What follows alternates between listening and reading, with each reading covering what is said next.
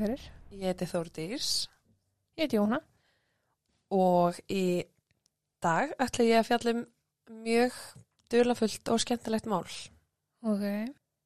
Ég ætla samt rétt að minna á Instagram. Mm Það er að skoða alla myndir þar við hvert og eitt mál. Það fyrir eftir hverja pósta þú eða ég. Ef Jóna postar, þá sagði bara svart. en uh, ég ætla líka að láta ykkur vita að því að við erum inn á partus.is skástrygg mórskurinn áskrift, kostar 990 krónur á mánuði og þar koma inn fjórir áskriftu þættir í hverju mánuði. Já. Heldur betur skemmtilegt. En ég ætla ekki að hafa þetta lengra. Ég ætla bara að byrja. Miðvíkudaginn, 2. janúar árið 1935, gekk maður inn í andri Hotel President sem stopnað var árið 1926 og var eitt af höfuðbyggingum í miðbæ Kansas City í Missouri. Það var ekki innan hús greitingin sem vakti aðtegli gesta þann daginn, heldur var það nýji gesturinn sem gekk inn og innritaði sig. Starfsfólk hótelsins fannst hann eftirminnilegur af ýmsum ástæðum. Meðal annars var með þygt ör, líkast skallabletti á vinstri hlið höfuð hans og tók aðrir eftir því að hann var með svo kalla blómkálseira Já. sem að er í raun bara þá er hérna efri parturinn eirinu svona útstæður Já, ok. og það gerist mikið til dæmis fyrir fólk sem er í barda í já. og alls konar. Engin á starfsfólkinu gætt sagt til um aldur mannsins, sumur sögðan væru aldurspilinu 20-25 ára og meðan aðri töldan vera nær 35 ára. Hann var ekki með neitt farangur meðferðis fyrir utan hárgreiðu og tambusta og baða sérstaklega um herbyggja á efstu hæð hótelsins. Hann innritaði sig undir nafninu Roland T. Owen og til heimilis í Los Angeles í Kaliforníu. Hann muldraði til starfsfólksins yfir svívirðilegu verði á hótelum í nágruninu. Hún var að lokum útlitað herbyggi 1046 sem var á tíundu hæð og eftir hann fekk liklana í hendunar þá sást hann lítið alla dvöluna. Fyrsti kærasta minn út í Svíþjóð hér Róland. T. Owen? Nei, man ekki svona eftirnafnið. Svo eftirminnalegur var hann. Hótelið hýsti oft borgarbúa og kaupsýslumenn sem voru að leita félagskap sent á kvöldin, if you know what I mean. Uh -huh. Og því minna sem starfsfólki blandaði sér í þau mál því betra. Ok, bellboy. Ætla ég að segja sér töskuberi. Já, það ekki. Töskuberinn Randolph Probst fylgdi honum upp á tíundu hæð og sagði honum frá því að það veri hægt að læsa hurðinni að utan og að innan og einingis gesturinn sjálfur, þrif starfsfólk og rekstaraðali hótelsins væri með aðganga herbyggina hans. Róland sagði að hann hafi eitt síðustu nótt á Múellebach hótelinu en fannst nóttin fremur dýr en það var um 5 dollara sem að samsvarar 70 til 100 dollarum í dag. Já. Sérst nóttin og hann var að kvarti við því. Róland þakkaði fyrir þjónustuna og ákvaði að taka liftuna niður með töskuberanum en það var hann sjálfur á leiðin út. Töskuberin áttaði sér fljótt á því að hann hefði skili hurðin eftir ólæsta svo hann fekk líkilinn hans og Róland til að hlaupa upp og gangur skugga með hurðin væri læst og skilaði síðan líklinum aftur til hans. Ok. Millir klukkan 13.30 og 15 mætti herbergis þernan Mari til þess að þrýfa herbyggið og satt Róland hljóðlátur í rúminu sín á meðan. Hún baðist afsökunar en það hafði kona verið í þessu herbyggi kvöldi áður og viss hún ekki betur en að hún ætti að þrýfa það. Róland sagði að það væri ekkert mál og hún geti þrýfi herbyggið á meðan hann væri hana. En Mari tók eftir nokkrum áhugaverðum hlutum. Númer eitt, glukkatjöldin voru dregin fyrir og það kom einingis ljós úr lampa sem að sata á borðin í herbygginu og það var því lítið að þetta sáum. Ok. Og það var ekkert verið að kveika ljósi fyrir henni, sko, hún þurfti bara að þrýfa í þessu, þessari byrtu, en að gæsa lafa. Uh -huh. Númer tvö, Róland virtist kvíðin og mjög stressaður. Og númer þrjú, á meðan hún þreif herbyggið þá fór hann inn á baðherbyggi og burstaði hára sitt áður en hann yfirgaf herbyggið. Hann bað Mari síðar um að skilja hurðin eftir ólæsta þar sem að hann ætti vona gesti í heimsókn á hverri stundu. Þegar Mari kláraði að þrýfa herbyggið átti hans á því að hún yrði að koma aftur með hrein hangklæði og skrifaði miða til Rólands sem ástóð kema aftur klukkan fjögur. Um klukkan fjögur mætti hún svo aftur með hangklæðin og þegar hún ætlaði að opna hurðina þá tók hún eftir því að hurðin var nú þegar opin. Inn í herbygginu var Róland en hann lá yfir rúminu og svaf fullklættur fötum. Mari gekk frá hangklæðanum en áður en hún fór út úr herbygginu tók hún eftir miðaborðinu sem ástóð Dawn, ég kem aftur eftir 15 mínútur, býttu. Ok.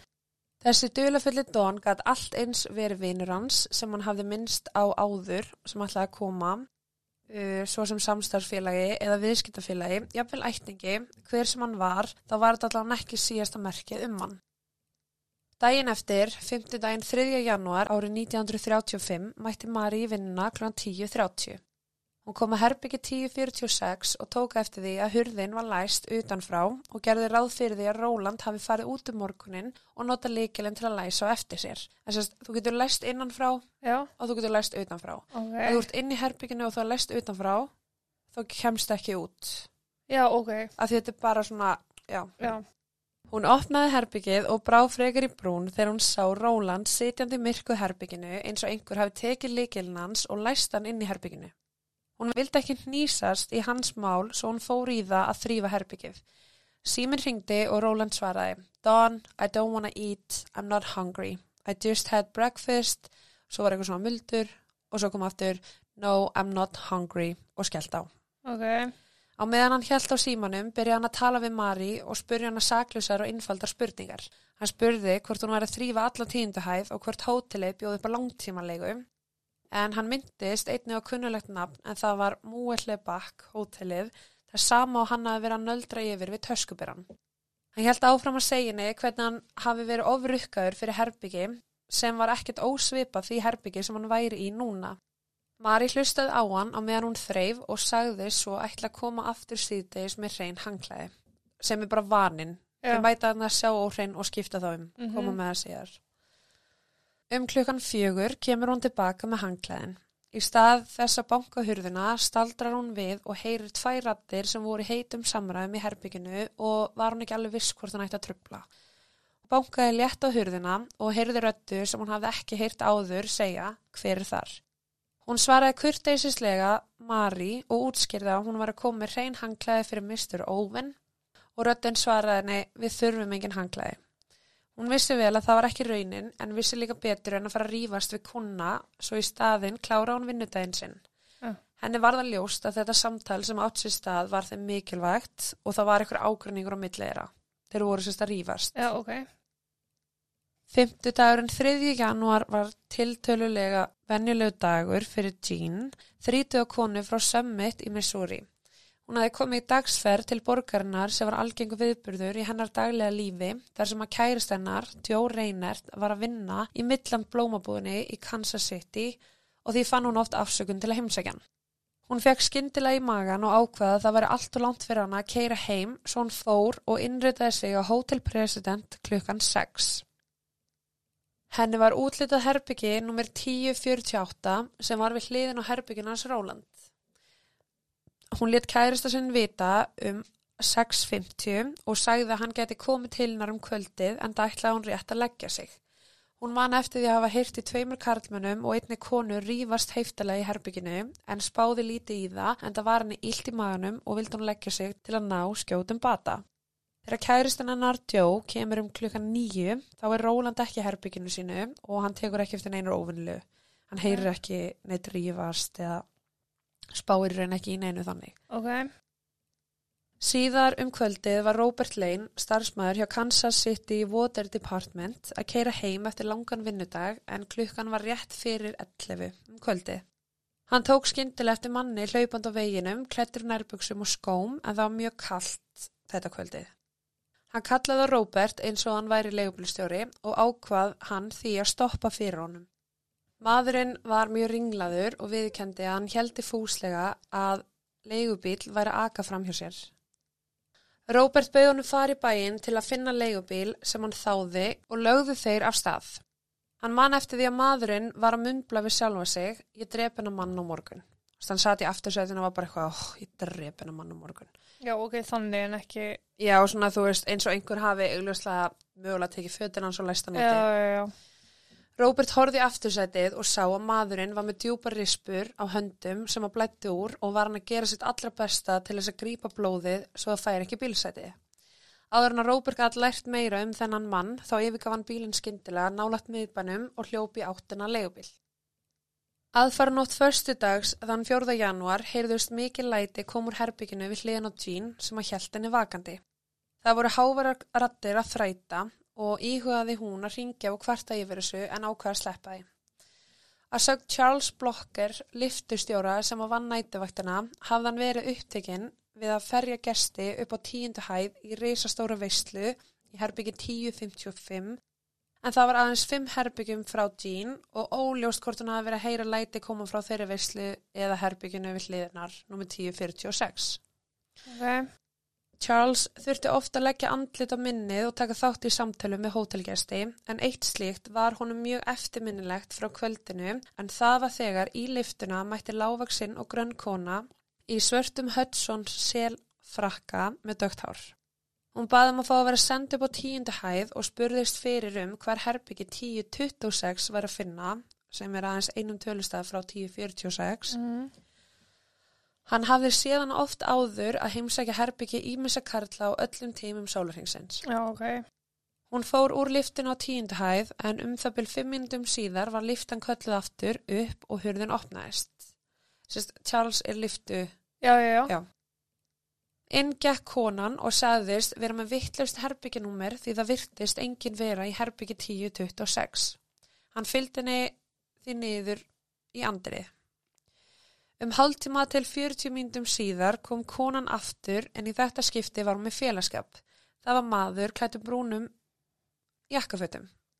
Hann var svipaður í hæð og hún og vexti og taldi Charles að þau varu líklega skild. Þau báðum að vera flutt upp á nýjundu hæð þar sem þau fóru út og hurfu í ákveðin tíma. Charles man eftir því að það var ekki fyrir klukkan 4.15 sem liftan stoppaði aftur á nýjundu hæð til að sækja konuna og svo brúnklæta mannin um 15 mínútum síðar. Sest, til að draga úr grunnsendum um að þau hafa verið hana saman. Maðurinn í brúna, maðurinn í brúnu, maðurinn í brúnu fötunum kom þá með afsökun að hann gæti ekki sofið og hann þyrfti að fara í göngutúr til að jafna taugarnar sem var raun óþarfa lígi en það vissi hóteli starfsfólki vel hann var ekki gestur. En þetta var í það eina og síðasta skipti sem einhver myndir sjá hann að manna hótelinu. What? Já. Klukkan sjö um morgunin var Della Ferguson nýbyrjuð á vaktinni og horfði yfir skiptiból hótelsins. Hún tók eftir því að úr einu herbyggjana var rautljós sem að gaf til kynna að einstaklingurinn þar var með símtóli hangandi af og því síminn óvirkur. Sérst, þeir eru með síma svona vegnum, þú tekur Já, og hann hangi bara, þá var bara tali. Uh -huh. Hún byður Randalf, töskuberan, um að fara upp í herbyggi 1046 og byðja mannin kurteisislega um að setja síman aftur á krókin. Hann mætir að herbygginu og þar er miði sem ástendur Do Not Disturb sem var kurteis viðvörun til bæði starfsmanna og annara gesta hafa hljótt og ónáða ekki. En hann hunsaði það að fyrirskipun yfirmann síns og bankaði hurðina. Hann heyri djúbaröld segja, komdu inn. Hann gerir ráð fyrir því að röddinn til er Róland og reyndi að opna hurðina en tók eftir að hún var læsta utan og bankaði því aftur. Það vakti upp ákveðna grunnsendir því það var engin rökrétt ástæða fyrir því hvers vegna hurðin ætti að vera læsta utan á meðan gestur er inn í herbygginu. Já, nema að einhver hafi lagst viðkomandi inni. Já. Róland kallar á hann að kveikja ljósinu en hann kallar tilbaka og byður hann vinsalegast um að setja símtóli aftur á sinn stað og fer niður og útskýra ástandi fyrir Dellu. En hann var í raun bara viss um að maður var blindfullur inn í herbygginu. Ok. Og hann komst ekki inn, hann er ekki með leikil, Já, en hann sagði bara, herðu, settu tóli aftur á. já. Eitthvað tíman um 8.30 tekur hún eftir því að símin í herbyggi 1046 var enn og aftur farin af króknum. Í þetta skipti sendi hún annan töskubera, Harold Pike, sem var með aukalikil til að fara og gæti þó hleyft sér inn ef Róland myndi ekki að opna hurðina. Þegar hann kom að herbygginu var hurðin ennþá læst svo hann tilkynnti það kurteisislega að hann ætlaði að gangi inn í herbyggið.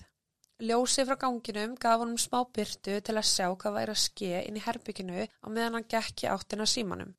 Hann sá Róland likjandi nakin með fætur og hendur út og hugsaði með sér að hann var líklegast ennþá fullur frá kvöldinu áður.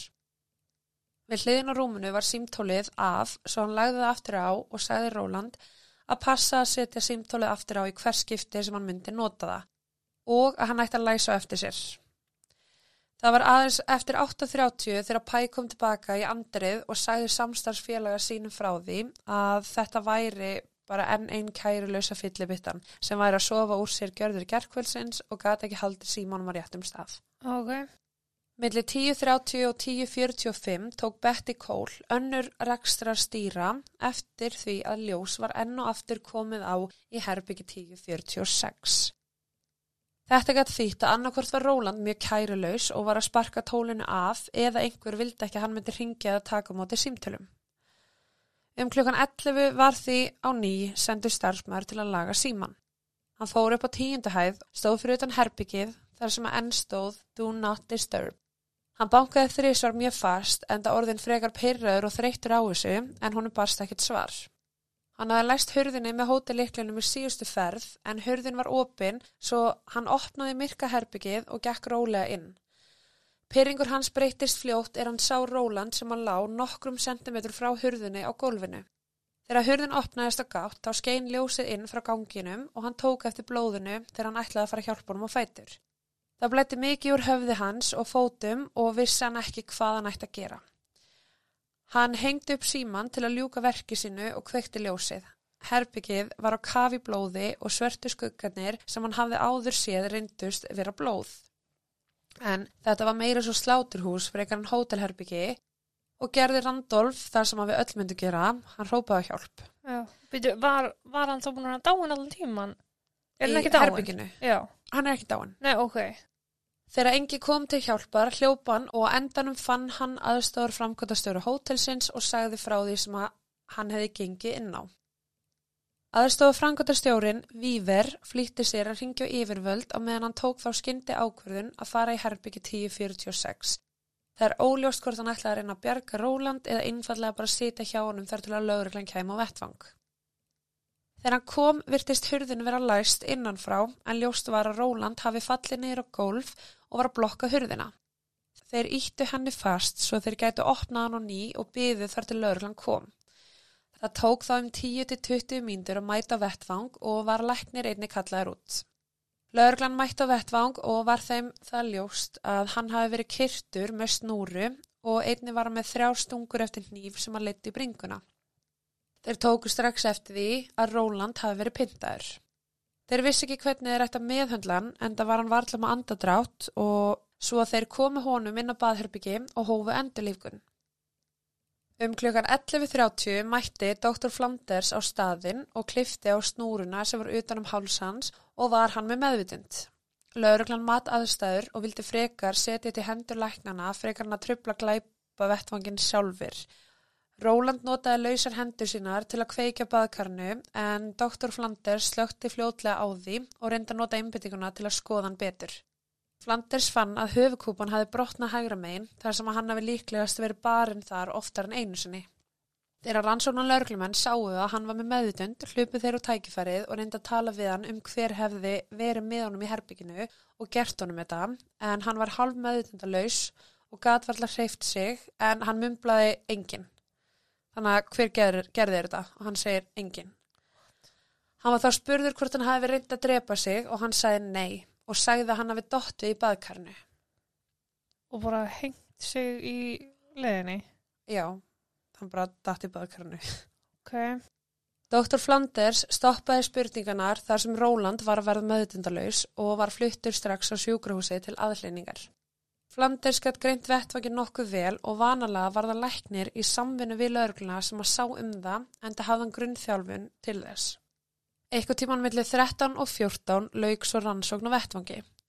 Hann tók eftir því að það var þurft blóð á veggjunum sem hefði líklegast komið þegar hann var stungin en það þýtti að þetta hefði líklegast gerst einhver áður en hann fannst, semst millir 3 og 4 á mótni. Ok. Þannig að þegar Ronald og Pike voru komin í herbyggja hans um morgunin þá var hann að góðri leið með að blæða út og árusin hefði nú þegar átt sér stað. Já, já. Og munum að hann að millir þrjú og fjögur var þetta par Já. eða sískinni eða whatever í liftunni. En þetta er, þetta er svona svolítið mikið syndróm eins og Pítur Porko var með. Hann fekk exi í hausun á sér en hann náði samt að ganga stigan Já, og setja upp þetta velina, Mm þú veist, og þetta er svipað með hann. Hann getur ekki talað, Já, þannig að eina sem gæti sagt er kveiktu ljósi, veist, og hann gæti í raun ekki byggði um aðstóð, en hann, hann var samt með meðutind og gæti reynd, reynd að ganga hurðinni í datt á hurðina, skilur Mhm. Bara með óráði. Já.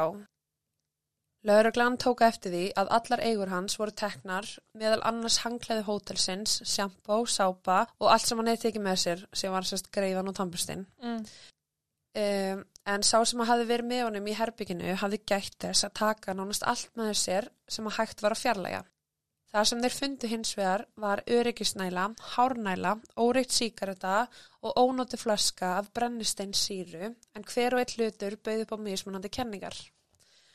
Hárnælan benti til þess að kona hafi heimsóttan og meðan síruflaskan gæti hafa verið notu sem pynting eða til að eigða sönnunagögnum. Þeir fundu einni tvö glös uh, fyrir vatn inn á baðarbyggi, annað var á sínum stað í hillu fyrir ofan vaskin á meðan hitt hafði dotti í vaskin og það vantaði stórt oddkvar stykki á glasið.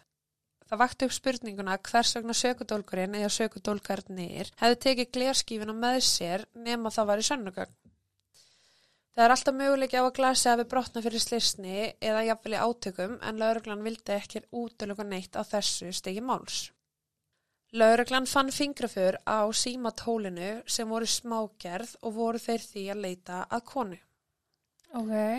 Kansas City Star og Kansas City Journal Post fluttu bæði fréttir af manninum en þar kom lauruglumadur fram sem sagði að það væri engin vafi á því að einhver hafi gert honum þetta. Lauruglan var á Varbergi gagvart því að segja mikið til almennings en þeir vissu líka þeir þyrtu að hjálpa halda þar sem að fáar vísbendingar voru til staðar. Jean úr herbyggi 1046 og kæristinn hennar Joe voru yfirheyrð en svo yfirheysla reyndist árangurslaus.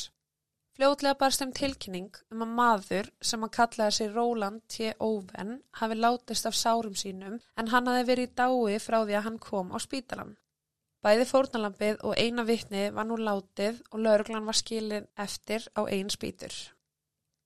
Krupning leiti ljós að höfukúpan hans var brotin en það gætt hafa átt sér stað áður en að hann var pyntaður. Ok. Stungusárin komu öll frá saman hnípnum en eitt þeirra skar stýbra í gegn heldur en hinn og fór í gegnum hægra lunga hans. Með höfukúpu brot, mikinn blóðmissi, gati lungu og augljósa kirkingartilraun var það undur að Róland hafi ennst nógu lengi til að tala og hvað þó vakna á endanum. Dánarósök var líklega sambland af ávirkunum á höfði og stungusárunum sem hann hlaut. Fljótlega fóru berast fréttir af því að Róland hefði látist. Forvitin kona ringdi í hótelstjóran og baði um lýsingu á látna manninum sem hótelstarfsfólki deildi með henni en það var meðal annars blómkálseirað og djúpa örið. Hún hjælti fram að þetta væri maður sem hún hafði séð sem að bjó í Clinton í Missouri. Þeir áttu erfitt með að finna fjölskyldu hins látna til að tilkynna þeim andlátið og voru með grunnsemdir um að Róland væri ekki raunverulega nafnið hans. Þeir fylgdu þessum grunnsendum eftir með því að skoða hótelskrána því þeir vissu að hann hafi gefið upp heimilsfang í Los Angeles svo sunnudaginn 7. janúar ringdu þeir í laurugludeildina þar í vonum að auðlast einhvers konar insýn í líf mannsins en svörum voru stutt. Það var engin að skrá með þessu nafni. Yfirvöld notuðu ljósmyndarstofuna í Kansas City til að taka myndir af fingrafarnu hans og sendi það áfram til FBI þess tíma, að hérna FBI þá, nei. en þeir fengu engin svör frá þeim. Mánudaginn 7. januar sögður ansökandur frá því ofinberlega að Róland hafi notað annan nafn en sitt raunverulega nafn og í staðin fyrir að fara áfram þá voru þeir komnir tvö skref aftur og bakk. Yfirvöld heldur kisturlagningu sem opið hús þar sem að líka Róland slá og mannfjöldin allur streymdi inn til að skoða hvort þetta væri einhver sem þeir þekktu. 90% forviti fólk, 10% fólk sem hefði áhyggjur. Bókstaflega sko. Já. Uh, Sumir sögðu þetta hefur verið 50 mann sem hafi mætt meðan aðrir segja þetta hafi verið kringu 300 manns. Einn af þessum áhorfendum, ef svo má kalla, var starfsmæður vatnadeildar Kansas City, Robert Lane. Hann fór til rannsóknulörglunar og útskýrði að Róland hefði verið maðurinn sem að hann hefði tekið upp í bíl hjá sér, sérst kvöldi áður en hann lest. Hann sagði að maðurinn hafi verið með stóra rispu á handlegnum þegar hann hafi skuttla honum, hlupi út í bílnum og tekið leigubíl. Rannsóna lauruglumæður vísaði þessari kenningu á bug og sagði að þar sem að hótelstarfsfólkið hafi ekki séð Róland fara út eða inn á hótelið áður en hann lést að það gæti ekki hafa verið hann sem að var í bílnum. Á fyrstu dögum sakamála rannsókna eru vittni oft talin vera óáreiðanleg nema hægt sé að finna fleirin einn einstakling til að staðfyrsta sögu hvers annars. Þeir töluðu einni við Mari, þernuna sem vann á hótelinu og hún held í fram að Róland hafi talað um að hafa verið á Múeklebakk hótelinu. Þar fundist engar heimildur um mann að nafni Róland T. Owen en starfsfólki myndi eftir því að hafa séð mann sem að passa við þessa lýsingu aðeins nokkrum dögum áður en sá maður hafi kvarta yfir 5 dólar að vermiða. Starfsmæðurinn myndi sérstaklega eftir blómkáls eiranu og var hann með ör og andliti. Nafni hans var Eugene K. Scott en það sagði laurlumönunum í raun ekkert en það bættust bara við spurningar um hefði sanna auðkynni mannsins sem hafi verið pyntaður og drepin í herbyggi 1046. Þannig að hótelpresident var hann Roland T. Owen Já, og á Múeklebakk hótelinu var hann Eugene K. Scott. ok. Þann 3. mars árið 1935 byrti dagblaði í Kansas sérstaka tilkynningu um að maðurinn myndi verða grafin daginn eftir á Pottersfield kirkugarnum. Lörglan hafði ekki komist nærði að bera kennsl á hver hann var í raun og veru nýja hver morðingjans væri. Það kom enginn fram til að krefjast líksins hans nekat sagt til um það hver hann var. Lörglan hafði samband við lörgludeildina í Los Angeles en það skilaði sér enn og aftur eins, enginn með því nafni. Þessi tvö nöfn voru því mjög grunnsamleg, þau bentu annarkvort til duldra ástæðna eða sans óta við að uppgötast og með við hryllilegan döðdaga hefði hann kannski rétt fyrir sér að nota þessi dullnefni. Lörglan reyndi að dreifa sögunni sem víðast í von um að einhver myndi stíga fram og kannast við atbyrði eða lýsing á manninum. Það var hins vegar ekki án galla, heldur með þessari aðtegli kom einni fram tilhæfilegsar ábyrðingar almennings sem lauruglan eitti miklum tíma í að fara í gegnum.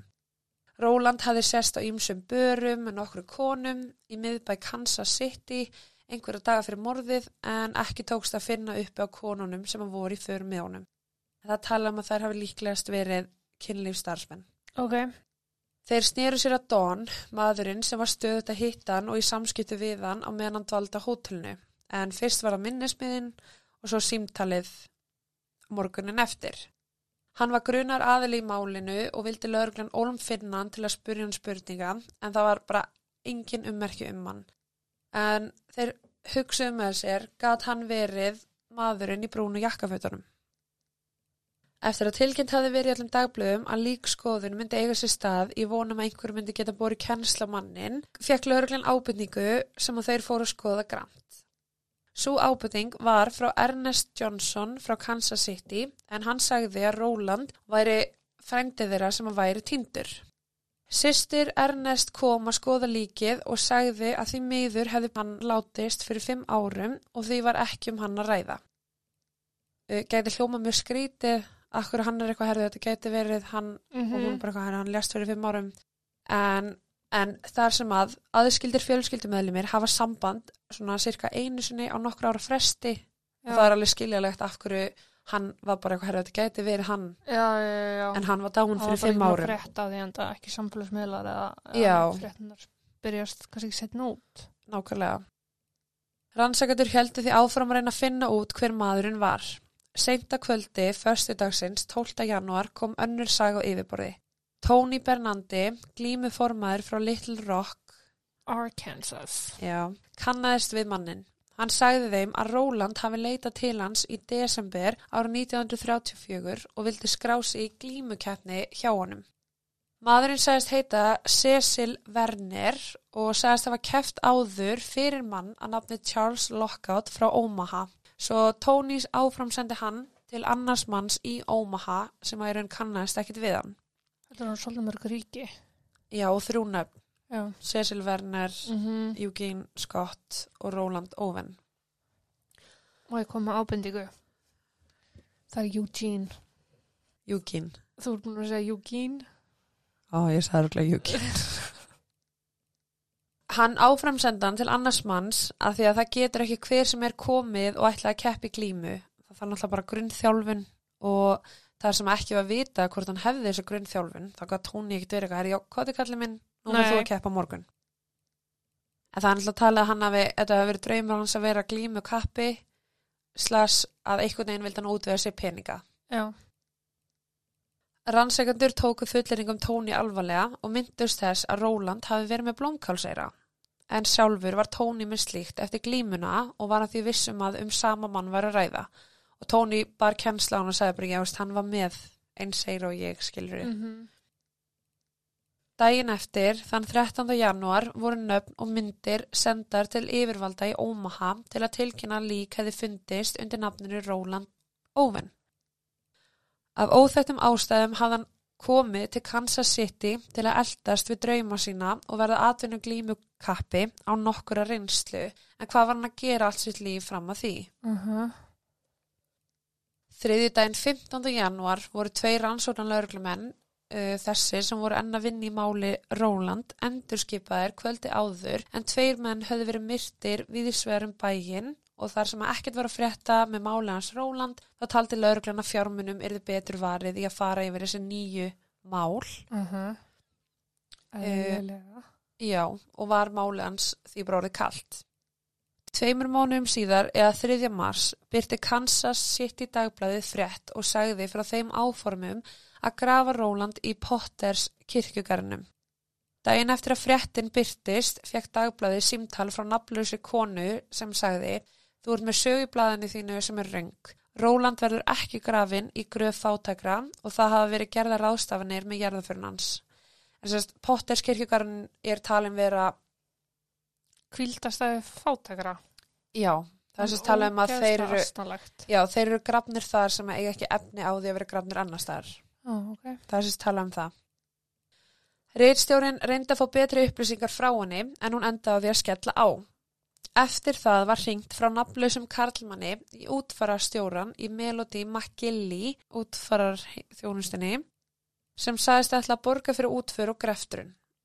Sá sem hringdi let hann lofa sér því að Róland yrði jarðaður í Memorial Park kirkjugarnum. Ok. Báðir aðilar sem hringdu notuðu nafni hans Roland T. Owen sem að bendi til þess að hann hafi verið þekktur með þessu nafni og trúa því að nafni sé líklegast rétt en maðurinn úr síðara samtalinu sagði að Roland ætti að vera grafin nálagt systur hans. Hvort þetta þýtti systur mannsins eða systur Rolands var mjög óljóst. Útfarastjórin sagði honum að hann yrði að láta laurugluna vita af þessu og maðurinn á línunni virtist ekki ávikifullu með það þar eins og hann vildi koma sögun á framfæri. Hann sagði að Róland hafi haldið fram hjá konu sinni sem hann ætlaði að giftast og að þau þrjú hafi átt smá fund á Hotel President. Hann sagði síðar svikarar fá venjulega það sem þeir eiga skilið og skellt á. Það var aðfaran á 3. mars ára 1935 næstur næstum tveimur mánuðum eftir morðið á Róland þegar lauruglan fær vittnesku um þessar tvær mikilvægu vísbendingar í hendurnar að þriðja símtalið átti eftir að berast þeim. Eitthvað tíma rétt fyrir lokun fekk blómabúð símtal frá Karlmanni sem baðum 13 amerískar fegurðar rósir sem ætti að vera sendar á útfaraheimilið. Hann var spurður hvenar hann myndi vilja fá vöndin afendan og frá hverjum þær væru en þá sagðist hann vilja hafa þetta allt saman nafnlaust og sagðist verið að gera þetta fyrir sýstu sína. Hann sagðist alveg að senda þeim 5 dólar að seðil aukalega fyrir sendingakostnað og endaði símtalið. Nokkru viku líða og þann 23. mars bárust tvær sendingar af umslugum, annað á blómabúðuna og hitt á Melody McGilly útvarastofuna. Í hvoru þeirra var nægu peningur til að standa ströym á kostnaði við blóm og jarðafjörnars Róland. Heimilisfangið á báðum brefunum hafði verið vandlega skrifað með penna og reglustriku til að reyna hilja rítöndina. Á þriði áratug síðustu aldar geti ágætis rítvél kostað millir 30 og 50 dollara en með meðal tímakaup langt undir 0,50 cent geti rítvél talist vera mikill luxuslutur sem ekki var til á mörgum heimilum. Með greiðslunni fyrir blómvendinum var handskrifaður miði sem ástóð ást að eilifu Louise. Ekki var vitað um fyrir áallanir þeirra sem voru greiða fyrir jarðaföruna, var það sektakend eða var það einhver nákomin aðili. Hvernig líka máttu undir svona kringustæðum greiða fyrir jarðaföru og ekki tilgreina af hverju þetta gera það? Ekki hugmynd. Þú veist, Já. Vist það meiri, meiri sens ef þetta hefði verið bara eitthvað sem hefði fundist látin úti á náttúrulegum ástæðum Já, en Það er það er bara- maður sem var myrtur. já, þetta er náttúrulega 1935. Já, Lörglanum er svo takmarkað að þú veist, þeir geta ekki eins og rakið símtali, sko. nei,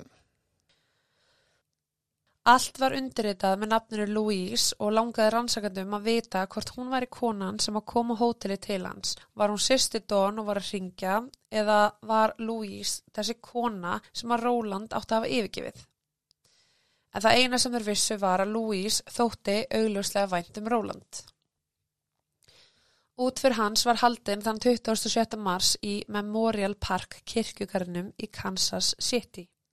Séra Sivili og Kristján stjórnuðu stuttri aðtöfn en einu gestirnir voru rannsóknar lauruglu mennirnir sem voru varðbergi um hvort einhver annar myndi láta sjá sig.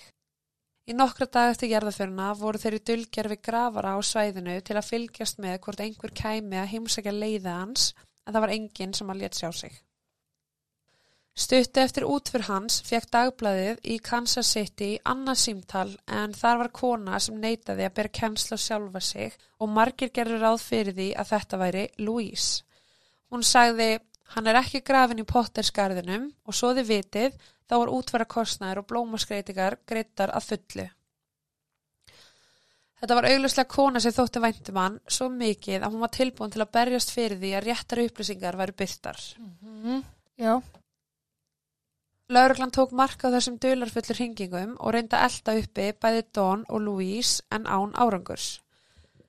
Mánuður liðu og um miðjan mæ ára 1935 prentaði bandariska blaði frásögn af morðinu sem er titluðu sem Leindardómurinn í herbyggi 1046. En þar var einnig mynda Róland sem tekin var eftir dauðans. Myndin sjálf er eins og hann sé sofandi á bakinu og varpar hann ljósa örið fyrir ofan vinstra eirað.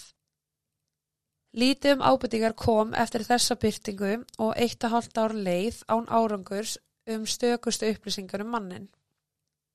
Smá framfærir urðu eftir byrtinguna en eina þeim var að maðurinn sem samsvaraði Lýsikur Róland hafði eitt nóttu á Seint Regis hótelinu með öðru manni en það var í desember á 1935. Þessi hinn maður gæt þess vegna hafa verið Don eða einhver annar en það er bara ekkert vita um það. ok. Máli var svo kallt aftur þar til haustið 1936 þegar ónafngreind kona rakst á sögur Rólands. Þegar hún sá myndirnar fannst henni skríti hversu líkur hann var sonur vinafólki hennar sem hafði ekki séð són sinn síðan hann fór frá Birmingham í Alabama í april árið 1934. Hún fór strax til frú Oglatrí með fréttinar. Það er liðið eitt og hálft ár síðan hún sá són sinn síðast og kannast hún strax við myndina. Hún ringdi laurugluna og í november árið 1936 staðfesti hún að þetta væri raun sonurinnar Artemis Oglatrí. Ok, Hún sagði frá því að urið vinstramegin hafi komið vegna bruna í æsku sem tengdist því að hann fekk sjóðandi heita fytu á sig. Þann annan november ára 1936 var sagan byrt í öllum dagblöðum. Maðurinn á hótelherbyggi 1046 hafi verið auðkendur sem Artemis Oglatrí. Legstinn hans segir að hann sé fættur 1915 en það var áætlun þar sem að engi gætt gískað á aldur hans en haldið var fram að hann væri 19-20 ára. Móðir hans útskýri tímalínuna um líf hans eftir hann yfirgaf heimilið. Snemma árs ára 1934, næstum ári fyrir andlatans, fór hann ungur frá Alabama í frí. Hann sagðist hafa ákveðið að fara til Kaliforníu og móður hans gaf ekki upp ástæðu fyrir þessi fríi en sagðist hafa sendt honum nægan pening á meðan hann ætlaði, ætlaði sér að dvelja þarna. Hægt og rólega fóru samskipti að vera fátíð og engin bref að berast fjölskyldinni. Það var ekki fyrir en snemma árs árið 1935, eitthvað tíma eftir andlatið sem að hún fekk vel ritað bref frá Chicago, undirritað Artemus en ekki var vita hvernig brefi var sendt. Ok. Þegar að hún fekk það í hendurnar hafði hún ekki hugmyndum að sonu sinn væri látin. Brefið vakti upp grunnsendir hjá henni á nokkrum ástæðum.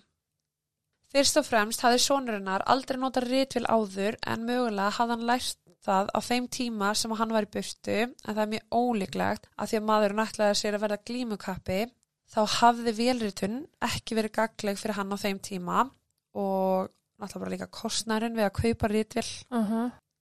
Í öðru lagi var brefi skrifað með ókunnugum tón og fyllt af slangur orðum með undarlegum orðatiltækjum sem var notað. Það er eins og sá sem að skrifaði brefið hafi vita nógu mikið um Artemus til að vita hvar fjölskyldan hans væri niðurkomin og til að sannfara fjölskyldanum að hann væri enn á lífi en þekkti ekki nógu mikið til til að geta sagt um hvernig talmátin hans já, var. Já, já, Í þriði lagi kom brefi frá Chicago en Artemis hafði ætlað sér að fara til Kaliforníu og það voru um 3400 kílometrar þar á milli og þetta er 1935, það er ekkert auðvildast í heimi að ferðast hann á milli. Mm, Nei. Hins vegar voru um 820 kílometrar milli Chicago og Kansas City þar sem hann hafi fundið sláttinn og það virti sem að morðingin sé höfundu brefsins og hafi flúið sagt, frá Kansas til Chicago. Það var síðan annað bref sem að barst henni en það var frá New York. Í því brefi sagði Artemus vera með áallanir um að ferðast til Evrópu. Þessu brefi var fyllt eftir með öðru sem að bendi til þess að hann hafi ákveðið að fara þann sama dag og brefi var skrifað og að hann myndi ekki skrifa móður sinni í langan tíma út af ferðalæginu sinu. Henni þótt þetta mjög undarlegt hvernig hann skrifaði, samskiptamáti og talmáti sem að leta hann átta sig á því að sonur hennar var í miklu vandræðum og að hún þyrfti að hjálpa að halda en vissi ekki hvert hún ætti að leita.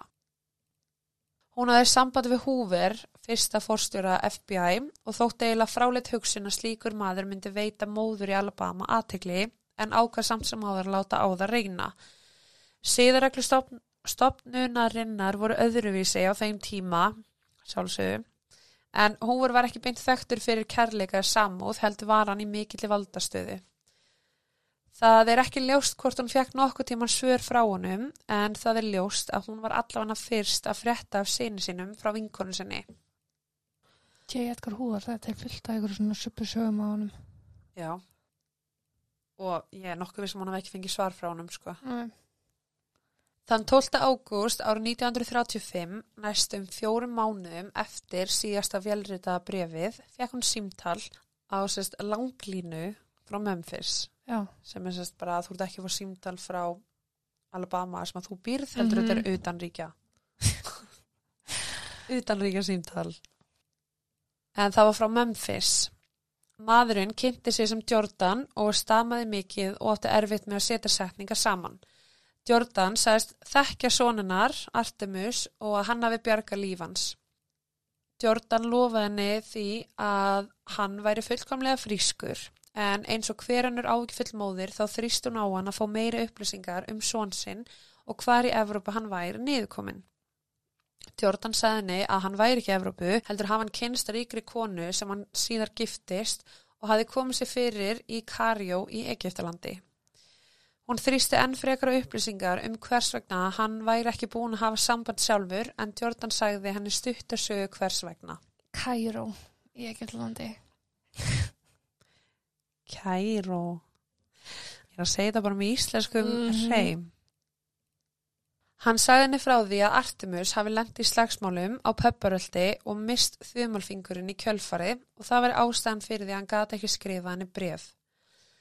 Þessi saga gæti svo sem verið trúverðu af ýmsum ástæðum þar sem að honum dreymdum að vera glímukappi og hann stundaði barna en hún skildi ekki hvers vegna hann notaði þá ekki bara ritvél til þess að skrifa heim sem hann krafðist ekki þumals og síðustu brefin hans til hennar voru einmitt vísbending um að hann hafi lært á slíkar vélar. Jordan átti erfitt með að svara þessu, stamaði mikið, var raukþróta og gati ekki haldið upp samræðum svo hann skellti á. Það var um tveimur mánuðum eftir símtalið sem hún fekk að sjá myndin af síni sínum látnum úr bladagrein og sendi mynd á honum til örglunar í Kansas City en hún vissi að einhver hefði logið að henni þá sérstaklega með brefin og símtalið en það var hann ekkert full frískur í Egiptalandi heldur látin og grafin í Kansas City. Hún vildi koma því á framfæri að sonurina væri látin og virti hún grefturinn að sona síns og let lík hans í friði þar. Eina sem hún baðum var að breyta nafninu frá Róland T. Óven yfir í Artemus Óglatri. Með auðkynni fórðalamsins, loksis upplýst, komi ákveðnar vonir um að leysa málið en gerundur eða gerandi töldu það vera löngu liðið og málið fjaraði aftur út þar til árið 2004. Það var sent á degi eins og hver annar þegar síminn frá almenningsbókasafni Kansas ringdi í læknin John Arthur Horner. Á línunni var maður og var röttin mjög erfið fyrir hann til að greina. Maðurinn hjælti fram að hann ásamt öðrum hafi verið að sjá um dánabú aldras einstaklings sem nýlega lérst en þeir vildi ekki nafngruna þann aðila. Þeir sögust hafa fundi kassa á meðal eigna hins látna en í kassanum voru gamlar blaða úrklippur tengdar morðinu í herbyggi 1046. Þeir sögðust einni hafa fundið hluti sem að áttu að hafa verið teknir frá hótelherbygginu en vildi ekki segja til um það nákvæmlega hvaða hlutir þetta voru. En þeir höfðu sérst séð bladagreina og þar í bladagreinu stóð þá tekið sjampo og tekið hangklæða og tekið þetta og mm -hmm. þetta og þetta, tampustan hans og, já, og eitthvað þessu fannst í þessum kassa Ok, og það er bara einn aðli sem að tók þetta dót, það er morðingin. já, já. En þarna voru liðin 70 ár frá því að Artemus var pyntaður og lokum skilin eftir til að deyja á hótelherbrygginu sínu og spurningin hver gerði það var enn ósvarað. Áður en að hægt var að fá nokkur svör úr þessum ringjanda var skellt á og aldrei heyrðist framar í honum. Í ágúst árið 1937 fannst óklætt líkmanns í skotti á bíl en hann hafi verið skotin í höfuðið.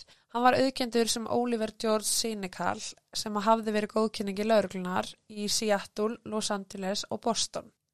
Hann hafi verið myrtur af herbyggisfélaga sínum, Joseph Martin, en hann var handtekinn um sjö klukkustundum eftir tilkynningu um andlátt mannsins. Hann hafi einnig verið þekktur sem Joseph Marshall, Joseph Oden, Donald Kelsey og Waff B. Smith. Vegna ríthandar hans var bent á hann sem mögulegan geranda í máli Artemus Óklatré og margir sem halda því fram að hans er morðingjans þá innfallega vegna þess að eitt af nöfnunum hans var Donald Kelsey Já, sem ætti þá að vera stitt eða Don. Mhm, en það hefur aldrei fengið staðferst þú veist, eina sem var er að ríthandir hans var eðlislík og svo kemur þetta Don. Já, já, Það hefur engi verið handtekinn fyrir morðið og er það því eins óupplýst og hægt er. En það eru nokkrar kenningar. Fyrsta kenningin er sem sagt að hann hafi verið drepin af einhverju mafíu. ok, ég var að hugsa það. skipulari glæparstarfsemi. En það er sérst tala um að hann hafi yfirgeð heimili sitt í Birmingham, farið til Kaliforníu. Draumar hans fóru fljótt í vaskin þegar hann læriði að stóru deildirnar myndi ekki taka við ferskum krakka Já, sem sem að kann ekki neitt. Uh, mánuði liðu peningun hans þurrkaðist upp svo hann var neittur til að fá lánaða peninga frá hverjum sem hann vildi lána þá sem að koma honum í vandræði svo sem með skipulögum glæparhing. mhm, Á þessum tíma voru skipular glæparstarfsemi í hámarki mjög ábyrrandi og samtök voru þekkt fyrir margvíslega ólulega starfsemi meðal annars til dæmis að voru svíkja peningur í íþróttaviðburðum voru sérst að lána örvendinga fullu fólki miklar uppæðra peningum já. og það er í raun til að koma þeim inn í innan ring til að Já. festa þeim inn í vítarhingnum. Veðmál og alls konar tengt þessu líka. Já. Það er því mögulegt að Artemus hafi byrjað að vinna á einhvern hátt fyrir glæpasamtök eða minnstakosti fengið lán hjá þeim á meðan hann þjálfaði sig í að verða glímukappi og öðlaðist í kjölfari slæmar vennjur til dæmis eins og að sofa hjá kynlíf starfsfólki. Mm. Um, við getum gert ráð fyrir því að hann var ekki byrjað á þessu meðan hann bjó í Alabama heldur þegar hann þá mögulega flutti til Kaliforníu uh, einhvern veginn fór hann til Kansas City og, og það er sérst talað um hann hafi mögulega farið til Kansas City til að stinga af frá Kaliforníu þar sem Já. hann var búin að koma sér í vandræði þar Ok. hugsaði bara ok, ég get ekki borgað hann pening ég vil ekki vera að gera þetta drasl fyrir þá Mm en ég er bara komin í burtu hann hafi fundið Kansas City, farið þangað og ætlaði að hefja nýtt líf. Ok. hann alltaf reyndi að tala við Tony reyna að fá vinnu þar til að fá pening. Veist, það gerist ekki.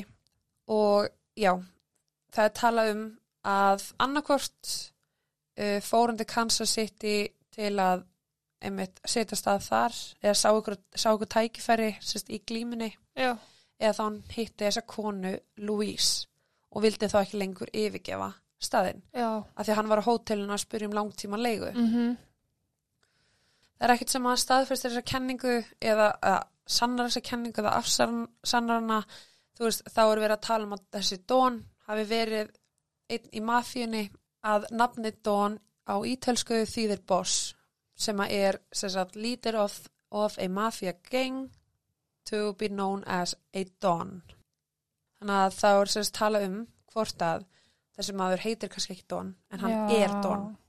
Og þess vegna alltaf Don. Mhm, Don. Um, ok, raukfærslir á móti þessari kenningu er að ef þetta var bara einhver mafja og hann var drepin hann uh, ok, það var einhverju dagar sem hann læst hann inn í herbygginu en það voru aðra daga þar sem hann fekk bara að fara frjáls út. Akkur var hann ekki bara drepin á fyrsta degi? Akkur fekk hann að ganga út og hann hefði getað stungið af Það var svona, já um, það er líka skrítið að ef þetta er eitthvað mafja sem að dreipur hennar mann þá er þeim í raun skýt sama og þau eru ekki fara að leggja það á sig að senda sér bref, láta fjölskylduna halda hann sér á lífi, þú veist, dar í dag mafjur eru bara alls ekki þekkt að fyrir það. Og Nei. þær eru bara, herðu hann er dauður, við komum hann fyrir ykkur húsasundi let's go, já, þú veist. Og jafnvel bara óhættu við að viðkynna því að lögreglan hefur oft lítið já, vald, eða þú veist, getur lítið já, gert í því. þannig að þú veist, af hverju ætti ykkur svaka mafja eða skipulega glæpastar sem ég að leggja allt á sig með brefin, með að ringi hans ef hann skuldaði þeim peninga, af hverju ekki bara drepa hann strax Já, reyndar góða punktur. þú veist, þessi kenninga er svona oh, veit ekki Ég hugsa líka að mafjan einhvern veginn myndi bara skjóta fólk. Já, og myndi líklegast bara örgulega gera það fyrsta degi Já. en ég meina, hann var samt læstur inn í herbyggina einhverju ástæðum Já. eins og hann mætti ekki fara neitt Mm en á sama tíma, suma daga var hann ekki læstur inn í herbygginu Mjög skrítið. Já. Næsta kenning er sérst að hann hafi verið fórnalamb ástar þrýhyrnings sem að fór bara úrskeiðis. Ok. Já. Þá sérst verið að tala um að hann hafi aukvönd hátt kynst Louise og hann hafi verið að halda fram hjá henni með kynlífstarfsfólki. Ok. Uh, Þá er talað um að Dawn er bróðir hennar Louise. Hann hafi eitt síðustu dögum hans í að reyna að tala skynnsemina í hann. reyna að samfara hann um það bara að hættu þessu kjaftaði og hafi þess að verið hann að dandalast í kringum hann hafi mögulega læst hann inni vegna þess að hann treystur hann ekki til að fara á einmitt, kaupa Mhm. sér eitthvað þjónustu heldur átt hann bara að sitja og hugsa herra ok, ég ætla að vera með Louise Já. konunni sem að ég ætla mér alltaf að vera með þá er talað um sko í þessari kenningu er þá talað um að fólki sem að koma þarna um nóttina í liftuna, konan og hérna maðurinn í brúnu jakkafutunum Já. það hafi verið Dawn og Louise Já, já, og að þess að hún hafi komið þarna fyrst hafi gugnað, farið, tekið bróðu sinn með sér en það sagði liftu starfsmæðurinn að þau varu lík. Já. og þau fór út á nýjundu hæð til að hilma, sem sagt, svo lappaði bara upp stígan á tíundu Ah, já, já, já. að því að hann var sem sagt, myrtur á, eða hann var það var ráðist á hann á þessum tíma. Mm það er þá Dawn og Louise hvort þau séu bara sískinni en ég meina það sem að styrir þessa kenningu svolítið mikið er það að þau eru að borga jarðafyrina, þau eru að borga blóm Mhm. þú veist, þau eru að passa fréttina séu réttar, þau eru að fylgjast með og það er bara eins og þau séu veist, eins og eitthvað hafi gengið á sem mögulega var þá slis en á sama tíma það sem afs, eða, sem það sem bakkar ekki upp á þessa kenningu er það að ef þau gerðu þetta hvernig gáttu við gengið út úr herbygginu ekki alblóðug Já. nema sjálf að útifötu er að hafa verið það sleg að geta falið. Já, gæti En að samaskapi þá, þá er ég að pæla af hverju ættu þau að vera með eitthvað samkend ef að þau enda að, já, náttúrulega ef það voru slis, já, já, þú veist, ef, er samkend, en ef þetta var slis en á sama tíma, þú veist sama eins og með Louise, ef hún væri að fara að yfirgefa hana eða væri bara einmitt halda fram hjá henni, þá er hún auðvitað reið en hún hættir ekki að elska hana nú litni nei, nei, þannig að svo þegar hann er kannski látin eða veit það að þá bara já, já, fær hún samvinskupið eða sektakend og það er líka þetta með að, að móður hans sé að fá bref og símtöl með að hann sé mjög líklega á lífi. Þau eru náttúrulega að þekkjast frekar stutt.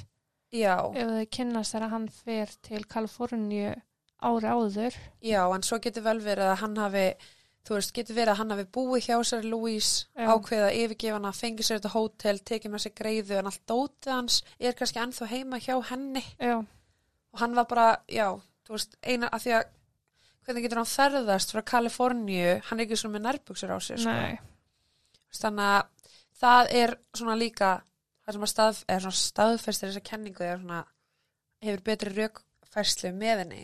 Já, er að dótið hans er einhverstar einhverstar áttan dót Mhm. og það er einhverja hilma yfir því. Já 100% já og það sem að bakkar líka upp þessa kenningu er að sá sem að ringdi náttúrulega þarna í blómabúðina eða ringdi í útfararstofuna og vildi borga fyrir allt já, sagði cheaters usually get what they deserve. Já, og var einmitt að segja hann að það að ringja fyrir sýsti sína þannig að þú veist maður spyrsa alveg bara eitthvað ok draf þessi maður þetta fyrir sýsti sína. Já, mér finnst alveg stemma þú veist, en á sama tíma finnst mér líka eins og með mafíukenninguna með að það, þú veist, það var ekkert skilið eftir í herbygginu nema það var náttúrulega fingraför frá konu. Já, það var ekkert annað, allt var tekið og maður hugsa bara eitthvað, ok, þetta er eitthvað sem að veit hvað hann er að gera, þannig séð það er í raun bara að tala um þessar tvær kenningar og svo eru þú veist, svo eru bara þessar hefðbundnu, hefðbundnu kenningar veist, skulda hann peninga. Mhm, kynntist hann einhverjum á lífsleginni sem að vildi hann feigan, allar þessar kenningar sem að var þetta kynlífstarfsmæður sem að reyða staðunum uh, þá í sjálfsvörn eða eitthvað slíkt mhm, af því að það er eins og einhver hafi reynd að nota síman eða þá hann hafi mögulega tekið síman og hún hafi tekið tólið og setta á eða tekið tólið af já, það var allan að kona sem að snerti síman já, trúlegast, trúlegast, já. Þannig að þú veist, maður hugsa okkur líka hversu vel er hótelherbyggi þrifið? Mhm, er símatólið þurkað að fingraförum, pottið ekki, potta ekki en samt tíundu hæð á ykkur svaka fínu hóteli skilju, já, reyndar, en maður er samt bara eitthvað að þú veist já. En eins og ég segi það er þessar tvær kenningar. Það er Don Louise, sískinin já, og svo er það mafían, það er Don, the Mafia King. Mhm, finnst mafíukenningin skemmtilegri, sko, en hún bara á ekki eins vel við og sískinakenningin, Nei, vegna þess að ef þetta er mafía, náttúrulega jú Don, Louise. Mhm, en allt sem að kemur í kjölfæri þá er maður bara eitthvað skil ekki alveg, eða veit ekki hvað. Nei, en svo hugsa maður líka með sér ok, til dæmis eins og þetta kvöld var getur verið að hann að kvöldi sem hann fannst á þjóðveginum klukkan 11 a- hann að fáklættur já, sem að Robert pikkaði hann upp og hann held að hann var leigubílstjóri. Já, getur verið að hann hafi það annað hvort fyrir með kynlífstæðarsmanni sem að henda honum út þar eða hvort hann hafi verið hjá Louise og hún hafi henda honum út. Þú veist, eða þá að rosalega mörgum spurningum Don, já, þú veist, Don hafi labbað inn á hann gera eitthvað sem hann á ekki að gera fleikt honum út, þú veist. Þetta er svo rosalega mikið, en ég er samt einhvern veginn svona, ok, það er augljóst að Louise og Don þykir á einhvern hátt væntum hann já, og hann talar um sýstu sína þegar við voru lík að Mhm. liftu manninum. Þú veist, ef þetta væri mafja þá væri þau ekki að spája að borga fyrir mannin jarðaför, sko. Ef hann skuldaði peninga þá er ekki að fara að íða meiri peningum í kallinn, sko. Nei, en svo getur líka vel verið að þetta hafi verið mafja og Louise hafi bara í alvörunni samt líka verið til og bara ekki gert neitt. Nei, séð bara hann væri dáinn og ákveða að borga. Ég veit það ekki en það er að fara í marga ringi með þetta mál. Þannig að ég ætla bara að segja það gott í dag. Ég mun setja allar myndir inn á Instagram. Það eru Mm. frá 1930 og er eins og að séu tekna með ristavel verði ykkur að góðu. En þá segi ég bara takk og bless. Takk og bless. Það er til næðist